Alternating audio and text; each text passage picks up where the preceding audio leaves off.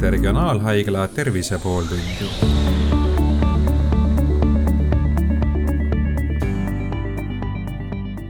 tervist, minu nimi on Hando Sinisalu ja tere kuulama Regionaalhaigla Tervise pooltundi. täna on äh, saatekülaliseks doktor Priit Tohver, kes on äh, PERHi kvaliteediteenistuse juhataja. ja me räägime sellisel vägagi aktuaalsel teemal nagu vaktsiinid, vaktsiinide tõhusus ja argumendid siis äh, poolt ja vastu. Äh, mina siin äh, reporterina, saatejuhina oponeerin Priit Tohverile, aga see ei tähenda, et ma nii-öelda päriselus oleks vaktsiinide vastu, ma igaks juhuks ütlen ära, kuna see on niivõrd tundlik teema, ühiskonda lõhestav teema, et, et ma nagu ütlen siis ära ka selle, kus pool rindejoont ma ise seisan, et ma olen tänaseks kolme, kolme doosiga juba vaktsineeritud ja, ja usun sellesse ise ka aga need küsimused, mis ma esitan, võivad siis võib-olla jätta vastupidise mulje, sest, sest ma üritan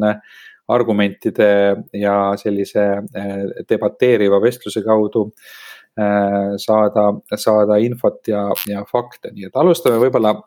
sellest või, või lähtume selle, sellele teemale, läheneme nii nagu massimeedia on seda kajastanud, sest see on oluline ja mõjutab inimeste arvamust. Ja kui nüüd vaktsiinide algusaegu meenutada siis äh, esimene selline mure, mis vaktsiinidega seoses tekkis, oli see, et nad töötati välja tavapärasest kiiremini ja seetõttu tekkisid hirmud, et äkki ei ole neid nii hästi kontrollitud kui tavalisi vaktsiine või mis tahes ravimeid, et need tsüklid olid ikkagi kordades ajaliselt lühemad, et, et nüüd täna tagantjärele targana, nüüd on juba päris kaua aega need vaktsiinid ka kasutusel olnud, et, et kuivõrd pädev see argument, kui pädevaks on see osutunud, et, et kiirustades või väga lühikese ajaga toodi turule ravim, mille kõiki kõrvalmõjusid ei jõutud põhjalikult uurida. jah, et äh, kindlasti kergitas ju see kulmusid, kui äh, kõige kiirem vaktsiin seni oli välja töötatud umbes nelja aastaga ja nüüd äkki üheksa kuuga, eks ju. Äh, ja vaatasin ise ka kriitilise pilguga peale, et kas seda, kas neid tulemusi saab äh, usaldada ja, ja, ja, ja kas siin on nagu mingisuguseid nurkasid lõigatud ja jõudsin veendumusele, et tegelikult ei ole siin mingisuguseid nurki lõigatud. pigem äh, oli see mitme hea faktori kokkulangemine, mis võimaldas seda vaktsiini nii kiiresti toota alustuseks äh, seesama tehnoloogia, mille peale ju need mRNA vaktsiinid on toodetud, on äh, teatud eelistega erinevate äh, vaktsiinitehnoloogiate ees, ehk siis mRNA vaktsiini kandidaate on lihtsam ja kiirem võimalik toota kui näiteks mõnel viirusvektoril põhinevat vaktsiini, nagu oli AstraZeneca vaktsiin. ja, ja, ja teine asi, mis siin nagu väga hästi kokku langes, oli koostöö. koostöö esiteks riikide vahel ehk siis viis päeva pärast seda, kui hiinlased Covidi järjestuse sekveneerisid äh,, olid juba ameeriklased loonud esimese vaktsiinikandidaadi, ehk siis väga hea rahvusvaheline koostöö käis seal. aga ka koostöö äh, regulaatorite ja tootjate vahel, mis võimaldas kiiremini jõuda ühest äh, uuringu etapist teise, lihtsalt sellepärast, et meil oli oluliselt kõrgendatud tähelepanu selle info töötlemiseks ja viimane asi, millest ei saa mööda vaadata, on see, et me viskasime ka väga-väga-väga palju raha selle peale, et toota seda vaktsiini.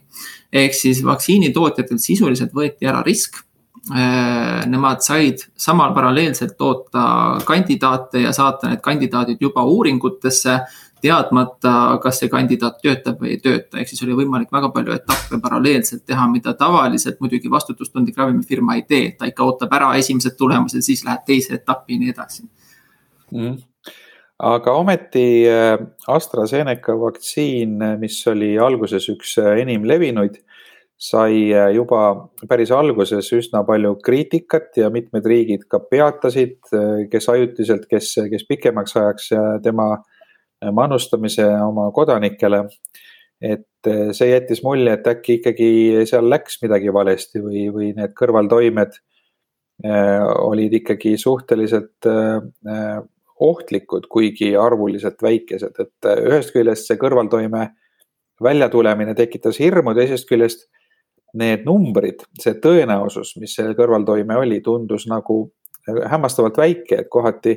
kohati nagu võhiku, nagu mina neid äh, uuringuid ka lugesin, siis siis tekkis küsimus, et, et miks nii väikese kõrvaltoime tõenäosuse pärast, mis oli seal üks miljonist või midagi sinnakanti, et üldse, üldse peaks ülemäära muretsema, ometi seda tehti mm -hmm.. jah, et äh, see, et AstraZenecal tulid välja kõrvaltoimed, äh, mida uuringutes veel ei selginenud, äh, see oli tegelikult mõnes mõttes ootuspärane. Väga harvadel juhtudel tulebki ette kõrvaltoimed, mis ilmnevad näiteks ühel inimesel miljonist. Ja selge on see, et kui sul ei ole olnud võimalik uuringut teha eelnevalt miljoni inimesega, siis see ei tule välja, ehk siis kui sa lased selle rahvastikku, siis tulevadki need üliharuldased kõrvaltoimed sellega välja. Kusjuures tol ajal isegi tehti analüüse just samamoodi niisuguseid nagu kasu-kahju analüüsi inimeste perspektiivist, mis näitasid, et tegelikult peaaegu sõltumata eagrupist ka selle kõrvaltoimega oli AstraZeneca vaktsiini võtmine ohutum kui see, et me riskime, et me saame Covidi ja põeme selle läbi. põhjus, miks paljud, äh, eriti just nooremate seas AstraZeneca vaktsiini eemaldasid kasutusest, oli see, et meil oli alternatiive Äh, ja see alternatiiv ei olnud mitte Covidit läbi põdeda, vaid see alternatiiv oli võtta ohutum vaktsiin, nagu näiteks oli Pfizer või Moderna. nüüd ähm, järgmise sellise meedialainena äh, tekitas küsimusi äh, see, et alguses vaktsiinitootjad väitsid vaktsiinide tõhususe olevat seal üheksakümmend pluss, isegi üheksakümmend viis protsenti. tänaseks on selgunud, et see tõhusus pole üldse nii suur ja tegelikult äh, me, me kõik teame inimesi, kes on vaktsineeritud ja, ja Covidit põdenud, et tegelikult see, see tõhusus on ikkagi olulisel määral väiksem. Et nüüd, millest see infomüra või segadus, et, et noh, paljud vaktsiinivastased ütlevad, et ravimifirmad mm, nii-öelda petsid meid ära või, või tõmbasid meile koti pähe, lubades ühte ja, ja pärast selgus, et sugugi see nii ei ole. Eh, siin oli mitu tegurit mängus Äh, võib-olla esimene oluline asi oli see, et vaktsiin ju tegelikult toodeti natukene erinevale tüvele kui see, mis on täna prevalentne.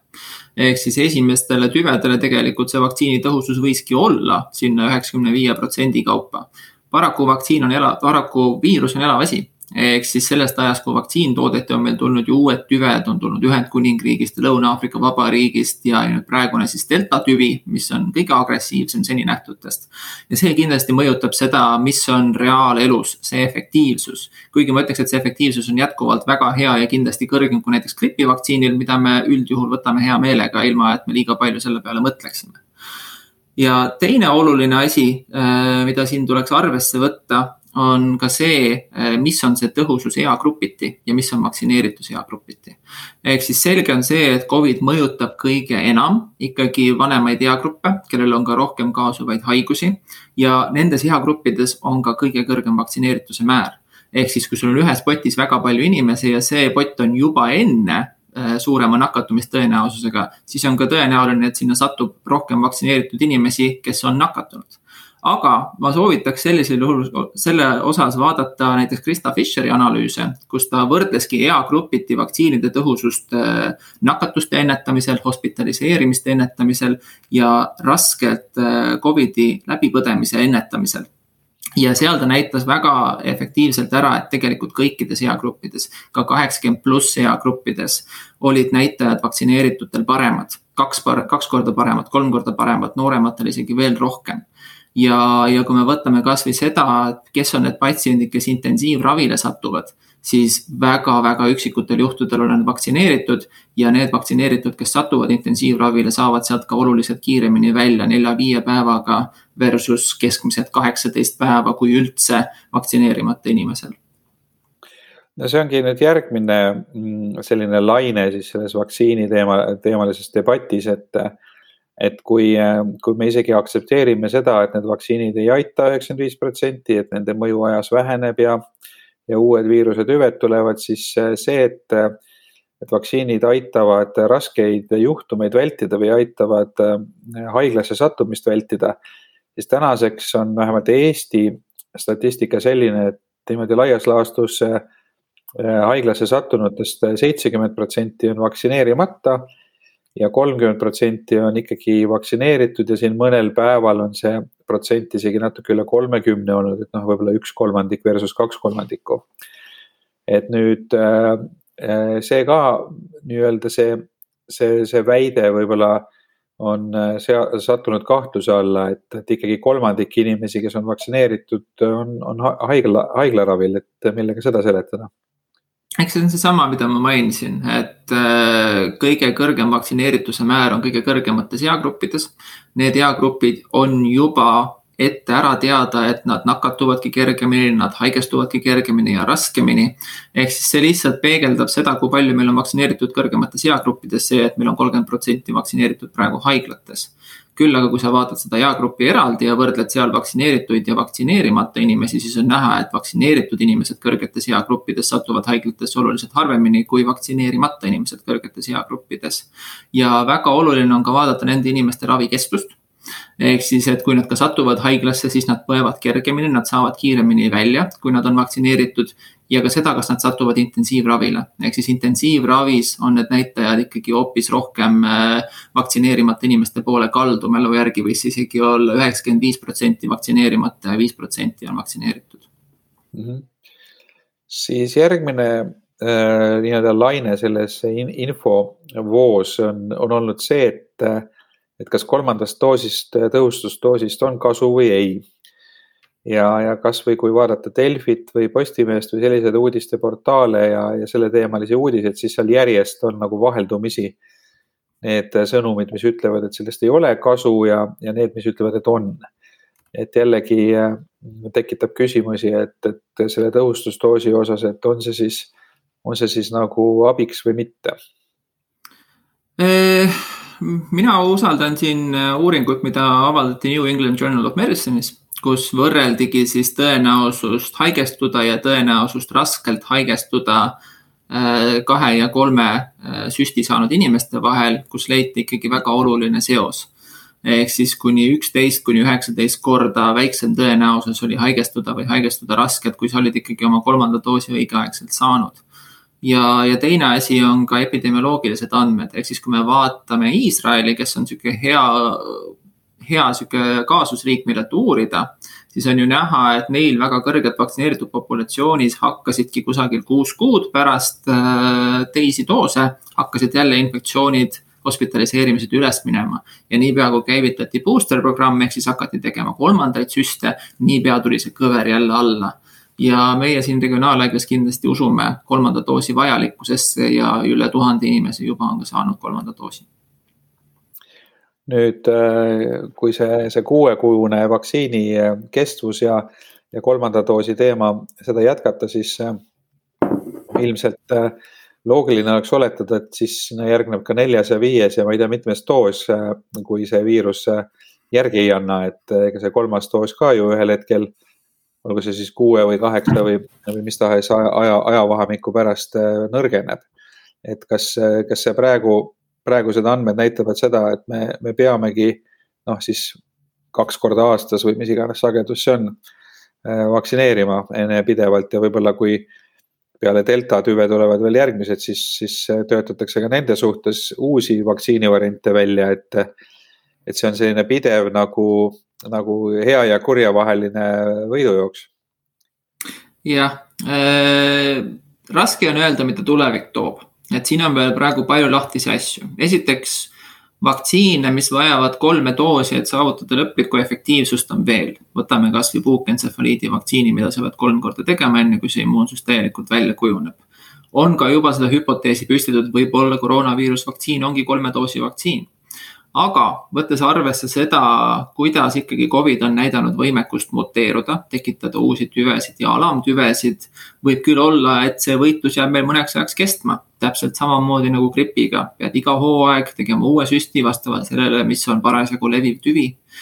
ja ka selles ei ole midagi veidrat ega, ega otseses mõttes kahjulikku, vaid see ongi siis tavapärane elu osa, et me iga sügis teeme oma gripivaktsiini ja teeme oma koroonavaktsiini ja katsume elada oma elu edasi. eks seda näit-, eks seda näitab aeg.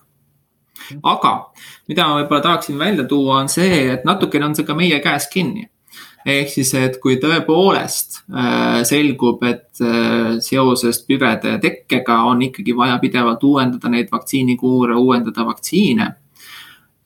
siis on meil ka mõttekoht, et kas me saame äkki midagi teha, et aeglustada uute tüvede teket. ja, ja siinkohal mängib hästi palju rolli vaktsiini solidaarsus ehk siis mil määral me panustame sellesse, et näiteks arengumaades oleks täpselt samamoodi kõrge vaktsineerituse määr, et sellel vaktsiinil ei oleks võimalik muteeruda? no äh, selle vaktsineerituse üks argument või, või õigemini see, kuhu täna äh, valitsus äh, ka nii-öelda müksab oma kodanikke, on see, et, et vaktsineeritutel on vabamad võimalused liikuda ringi ja üks põhjendus sellele on olnud, et, et vaktsineeritud on vähem äh, nakkusohtlikud. kuigi nüüd jällegi sellisest amatöörsotsioloogiast, kui küsitleda enda tutvusringkonna inimesi, siis selgub, et päris paljud neist on vaktsineeritud ja nakatunud, tõsi küll, mõned kergelt või väga paljud kergelt ja võib-olla ise ei, ei pruugigi alguses aru saada, et nad on haiged, aga nad ikkagi on käinud ringi ja, ja ilmselt siis kedagi ka nakatanud. et kas see retoorika, et äh, vaktsineeritutel tuleks anda rohkem vabadusi sellepärast, et nad on vähem nakkusohtlikud, peab paika või on ikkagi küsimus selles, et vaktsineeritutele antakse rohkem õigusi sellepärast, et äh, nii-öelda piitsaprääniku meetodil innustada siis äh, laiemaid hulki vaktsineerima? see on kindlasti ju tegelikult teatud ulatuses ju tõsi, et vaktsineeritud nakatavad vähem Äh, ja, ja siin on nagu mitu aspekti, mis seda tõendavad. esiteks, kasvõi nendes samades Krista Fischeri analüüsid, mis me, mida ma mainisin, on ju näha, et vaktsineeritud nakatuvad vähem. selleks, et haigust üle kanda, sa pead nakatuma. mingites uuringutes on isegi näidatud, et asümptomaatiline kandus langeb üheksakümmend protsenti äh, vaktsineeritute seas teine asi, äh, me näeme ka ju tegelikult epidemioloogilistest andmetest Iisraelist, et kui tõusis täiskasvanute vaktsineerituse määr, siis langes ka nakatumise määr alaealiste laste eas, kes ei olnud vaktsineeritud, ehk siis see näitab ka tegelikult vaktsineerimise kaitsvat mõju nakkuse ülekandumise eel. küll aga me teame, et see kaitse ei ole täiuslik, ehk siis, et tõepoolest ka vaktsineeritud suudavad nakatuda. Ja kui nad on juba nakatunud, siis nad suudavad ka teisi nakatada ja ka siin tegelikult on huvitav jälgida, et kas see on sada protsenti tõsi, et nakatunud vaktsineeritu kannab äh, viirust sama palju edasi kui nakatamata. Äh, tähendab, kui vaktsineerimata inimene. et siin hiljuti natukene Eesti meedias ka kajastust leitud Lanceti uuring, kus siis vaadati seda, et kuidas nakatunud vaktsineeritud kannavad haigust üle näitas seda, et jah, tõepoolest nad kannavad haigust üle, aga samas nende viiruse kandlus oli lühem Äh, kui vaktsineerimata inimestel. mis tähendab seda, et kui nad ka nakatavad, siis nad nakatavad lühemat aega. ehk siis äh, kindel on see, et nakatumine, vaktsineer-, eda-, nakkuse edasikandumine äh, vaktsineeritult inimeselt on madalam kui vaktsineerimata inimeselt. me ei tea, mis see määr on, aga iga määr aitab, sellepärast et viiruse puhul, mis levib ühelt inimeselt viiele ja viielt inimeselt kahekümne viiele ja sealt eksponentsiaalselt edasi. kasvõi ühe nakkusahela läbilõikamine omab tohutut mõju no laste vaktsineerimine on väga tundlik teema ja see vanusepiir on nüüd äh, tasapisi allapoole tulnud.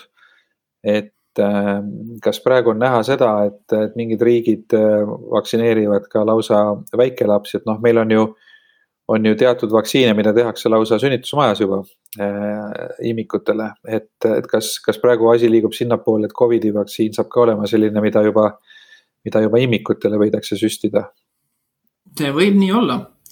praegu on tulnud siis esmane äh, FDA hinnang, et viie kuni üheteist aastaste seas on vaktsineerimine siiski ohutum kui läbipõdemine. ja neilt ka soovitus, et äh, vaktsineerida tuleks ka viie kuni üheteist aastasi. selle otsuse on nüüd teinud ainult USA, ehk siis seda ei ole veel Euroopa Ravimiamet teinud, erinevalt siis kaheteist kuni seitsmeteist aastaste vaktsineerimisest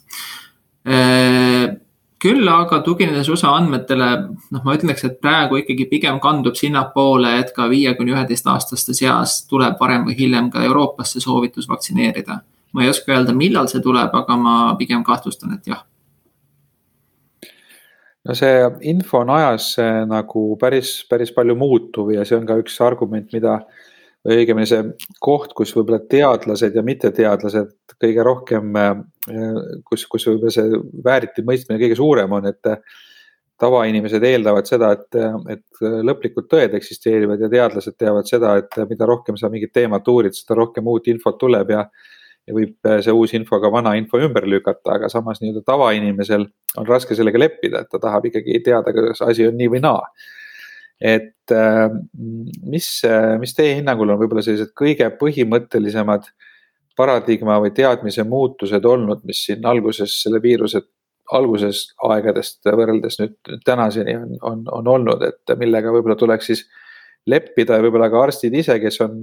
alguses ühte asja kuulutanud, peavad ütlema, et, et teadmised on vahepeal muutunud, teadus on edasi arenenud ja see, mida ma poolteist aastat tagasi ütlesin, ei ole enam nii. Oi, neid on palju, alustades sellest, kuidas koroonaviirus levib. Äh, ehk siis tegelikult on ju tohutu debatt lahvatanud selle üle, et kas koroonaviirus on äh, aerosoolidega, niimoodi õhkleviv nakkus või siis ta on piisknakkus ehk siis ikkagi eelkõige lähikontaktis leviv nakkus. ja üha enam andmeid tegelikult viitab sellele, et ta on aerosoolidega leviv, õhkleviv äh, nakkus, mis ka kõvasti-kõvasti tõstab selle tähtsust, et me kannaksime maske see on nagu tuulerõuged siis põhimõtteliselt, et levib, levib niimoodi nagu tuulerõuged, et ja, jah, või siis leetrid näiteks, eks ju, kuigi noh, R nii-öelda see nakkuskordaja ei ole nii kõrge kui leetritel, siis ikkagi pigem see nakatumise dünaamika viitab praegu õhklevikule ja sellepärast ka regionaalhaiglas sõltumata sellest, kas sa oled vaktsineeritud või vaktsineerimata, me kanname maske, kui me saame kokku. Äh, teine, äh, ma arvan, paradigma muutus on see, et tegu on ikkagi muteeruva viirusega. ehk siis tegelikult alguses arvati, et pigem on suhteliselt staatiline viirus, aga praegu me näeme, et neid uusi tüvesid tuleb kogu aeg. kolmas asi, kus ma arvan, et paradigma muutus on tekkimas ja on vajalik, on ikkagi see, mil määral äh, viirus mõjutab noori. ehk siis alguses tuli ikkagi ja, ja võis, see võis ka alfa tüve puhul tõsi olla äh, tulid neid sõnumeid, et, et, et noh, viirus ikkagi noori ei ohusta ja, ja tänaseks me näeme, et tegelikult see nii ei ole, et meil on ka surmajuhtumeid noorte seas, üks üheteistaastane tüdruk on Eestis surnud koroonaviiruse tagajärjel. Väga palju isegi, isegi nelikümmend kuus protsenti äh, küsitletud noortest on kogenud vähemalt ühte pika Covidi äh, sündroomi tunnust, nagu näiteks äh, vaimse võimekuse langus või ärevus või, või mingid erinevad valud. Konservatiivsetel andmetel on noorte seas need sümptomid kestnud ka üle kahe ja poole kuu, vähemalt kaheksa, kaheksa protsendil juhtudest. et, et, et seda infot, kuidas Covid tegelikult noori mõjutab, tuleb järjest juurde. ja kuidas ka varem täiesti terve laps võib saada raske põletiku reaktsiooni, et see on kindlasti paradigma muutus, mis on toimumas. ma, ma küsin seda, et mm, -hmm. et kas on kuidagi ka rohkem teadmist selles osas, millised inimesed või millise eelsoodumusega inimesed põevad raskemalt? Ja kas tänaseks on selgunud mingid kindlad patsiendid, kes on rohkem ohus, kindlasti on see riskiprofiil äh, järjest enam selginemas. eriti on see näiteks äh, välja tulnud rasedate puhul ehk siis äh, ma ju mäletan väga hästi, minu enda abikaasa oli rase esimese laine ajal ja siis me veel lugesime esmaseid andmeid ja olime natuke lohutatud, sest paistis, et rasedad justkui ei ole kõrgenenud riskis. täna on isegi tulnud uudiseid NHS-ist UK-s kus iga viies äh, ECMO peal patsient intensiivravis ehk siis kriitilises seisundis patsient on rase, vaktsineerimata rase nii et, et siin nagu ka, kui küsimus on, kas rase äh, rasedale vaktsiin, vaktsiin on ohutum või ohtlikum kui Covidi põdemine, et siin ka paistab üsna selge vastus olevat, et, et, et vaktsineerimine on väiksema riskiga kui läbipõdemine. Jah, et mina kindlasti rasedana seda täringut ei viskaks, et, et, et vaadata, kas põen Covidi läbi ja äkki läheb hästi et praegused andmed ikkagi väga selgelt näitavad, et rasedad on oluline riskirühm ja samal ajal on sadu tuhandeid rasedaid läänemaades, kes on vaktsineerinud ohutult. aga samal ajal ajahorisont on liiga lühike, et me saaksime täna hinnata seda, kas vaktsineeritud rasedad sünnitatud lapsed, kas neil on mingisuguseid äh, kõrvalmõjusid? seda ju täna me veel ei tea, sest see aeg on olnud liiga lühike noh, spekuleerida võib alati, üldiselt on praegu näidatud, et vaktsiin tegelikult, äh, vaktsiin otseselt lootesse ei kandu. Äh, küll muidugi võivad olla antikehad. Ja, ja teine asi on see, et isegi kui me spekuleerime, et võib-olla tulevikus tuleb midagi välja, siis me juba teame täna kindlalt, et äh, sul rasedana on väga suur oht põdeda raskelt, väga suur oht kaotada see laps või isegi kaotada elu ehk siis noh, me peame ikkagi seda lühikest ajaperspektiivi väga tugevalt arvesse võtma, mitme jääda, mitme jääda kartma seda, mis võib äh, tulla kauges-kauges tulevikus. Üldiselt vaktsineerimise juhul tegelikult kehtib reegel, et kõrvaltoimet, mida sa juba kahe kuu jooksul näinud ei ole, ei ole olemas no siis üks selline argument, mis vaktsiinivastastel veel on, on see, et eriti kui tegemist on nooremate, tervemate inimestega, et, et kui sa oled noor ja terve ja sportlik ja elad tervislikku elu, et siis äh, tõenäosus, et, äh, et sa raskelt Covidit põed, on, on väike. Ja, ja siis, äh, kui kahe nii-öelda halva variandi vahel valida, siis üks nendest on Covidi põdemine, teine vaktsineerimine, et siis noor, kellel on pikk elu veel ees et, tema puhul äh, nagu võiks võtta selle riski ja, ja põdeda see haigus läbi lootuses, et see läheb kergesti, et see on see argument, mida noored vaktsiinivastased kasutavad. mis, mis te sellest arvate? Tegelikult on raskeid Covidi juhtumeid tuvastatud ka noorte tippsportlaste seas, täitsa uuringutes kajastatud aga noh, selles osas ma tean seda argumenti, et tõepoolest ma olen ju noor ja terve ja võib-olla ma üldse ei nakatu ja milleks siis üldse riskida sellega mingisuguse vaktsiini kõrvaltoimega. et selle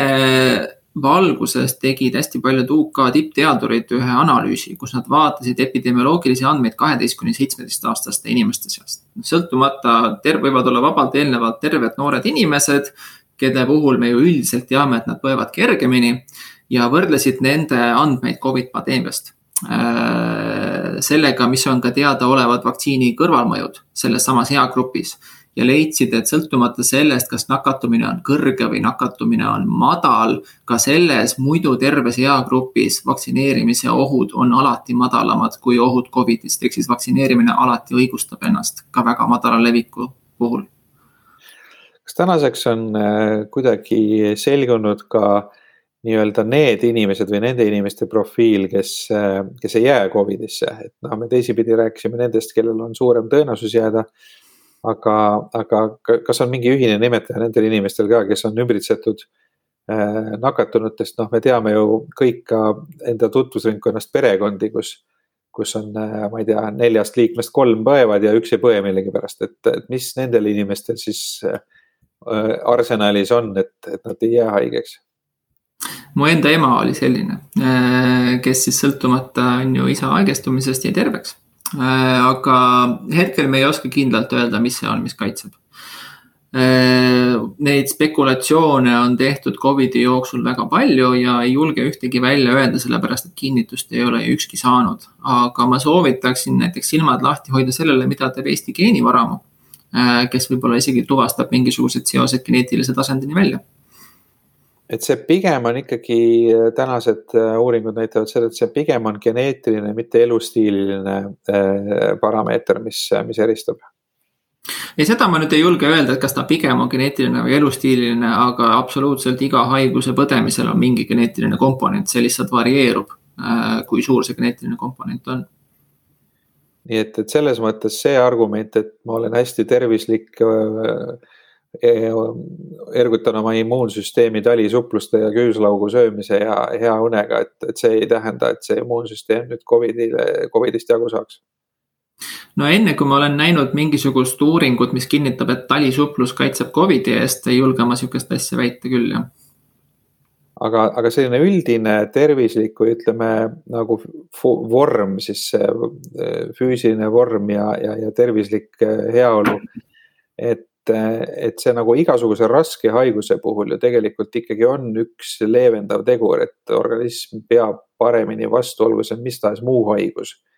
et, et kui on inimene juba eelnevalt kurnatud ja haige, et siis noh, tõenäoliselt ta, ta nagu põeb raskemalt mis tahes haigust kui see inimene, kes on nagu eelnevalt äh, tugev ja terve. et kas see siin, siin peab paika? mina ei julge seda eriti infektsioonhaiguse puhul väita ehk siis, äh, kui ma mõtlen ükskõik millisele infektsioonhaigusele, ma ei tea, võtame kasvõi HIV, sõltumata sellest, kui tervislik sa varem oled, kui sa selle saad, siis sa kannatad. ehk siis äh, samamoodi Covidi puhul võib-olla seal on mingisugune soodustav mõju sellele, et sa oled hea tervise juures, kindlasti näiteks kõrge vererõhk on üks riskifaktor ja võib-olla inimesed, kellel seda ei ole, on natuke paremini kaitstud. aga milleks riskida? Ehk siis äh, on ju korduvalt ja korduvalt juhtumeid, kus ka eelnevalt täiesti terved, heas vormis inimesed saavad selle haiguse ja saavad selle tulemusena näiteks pikaajalise sündroomi, äh, mis löövad nad rivist välja isegi aastaks. kui palju tegelikult täna nii-öelda dokumenteeritud äh, patsiente Eestis on, kellel on mingisugused arvestatavad vaktsiini kõrvaltoimed olnud? Äh, selliseid arvusid ma ei oska isegi nüüd peast välja tuua, et, et, et selles osas peaks kindlasti konsulteerima Terviseametiga, aga need arvud on piisavalt madalad, et, et, et, et me ei saa neid, et, et, et need ei saa nagu liiga palju meie igapäevatööst tähelepanu. maailma andmetest me teame näiteks seda, et, et, et see üks tugev kõrvalmõju, mis on anafülaksia, väga tugev vaktsiini, väga tugev siis allergiline reaktsioon tundlikkusreaktsioon vaktsiinile, see esineb umbes viis juhtu miljonist. ja, ja, ja võrdleme seda näiteks penitsilliiniga, kus on äh, üks juht kümnele tuhandele ehk siis ligi kakskümmend korda sagedamini, ometigi penitsilliini me kasutame igapäevaselt. Äh, või siis müokardiit mis on ju tegelikult see, mis on kõige rohkem tähelepanu saanud just mRNA vaktsiinide puhul et selle sagedus on ka oluliselt madalam vaktsiini puhul, kui ta on Covidi läbipõdemise puhul.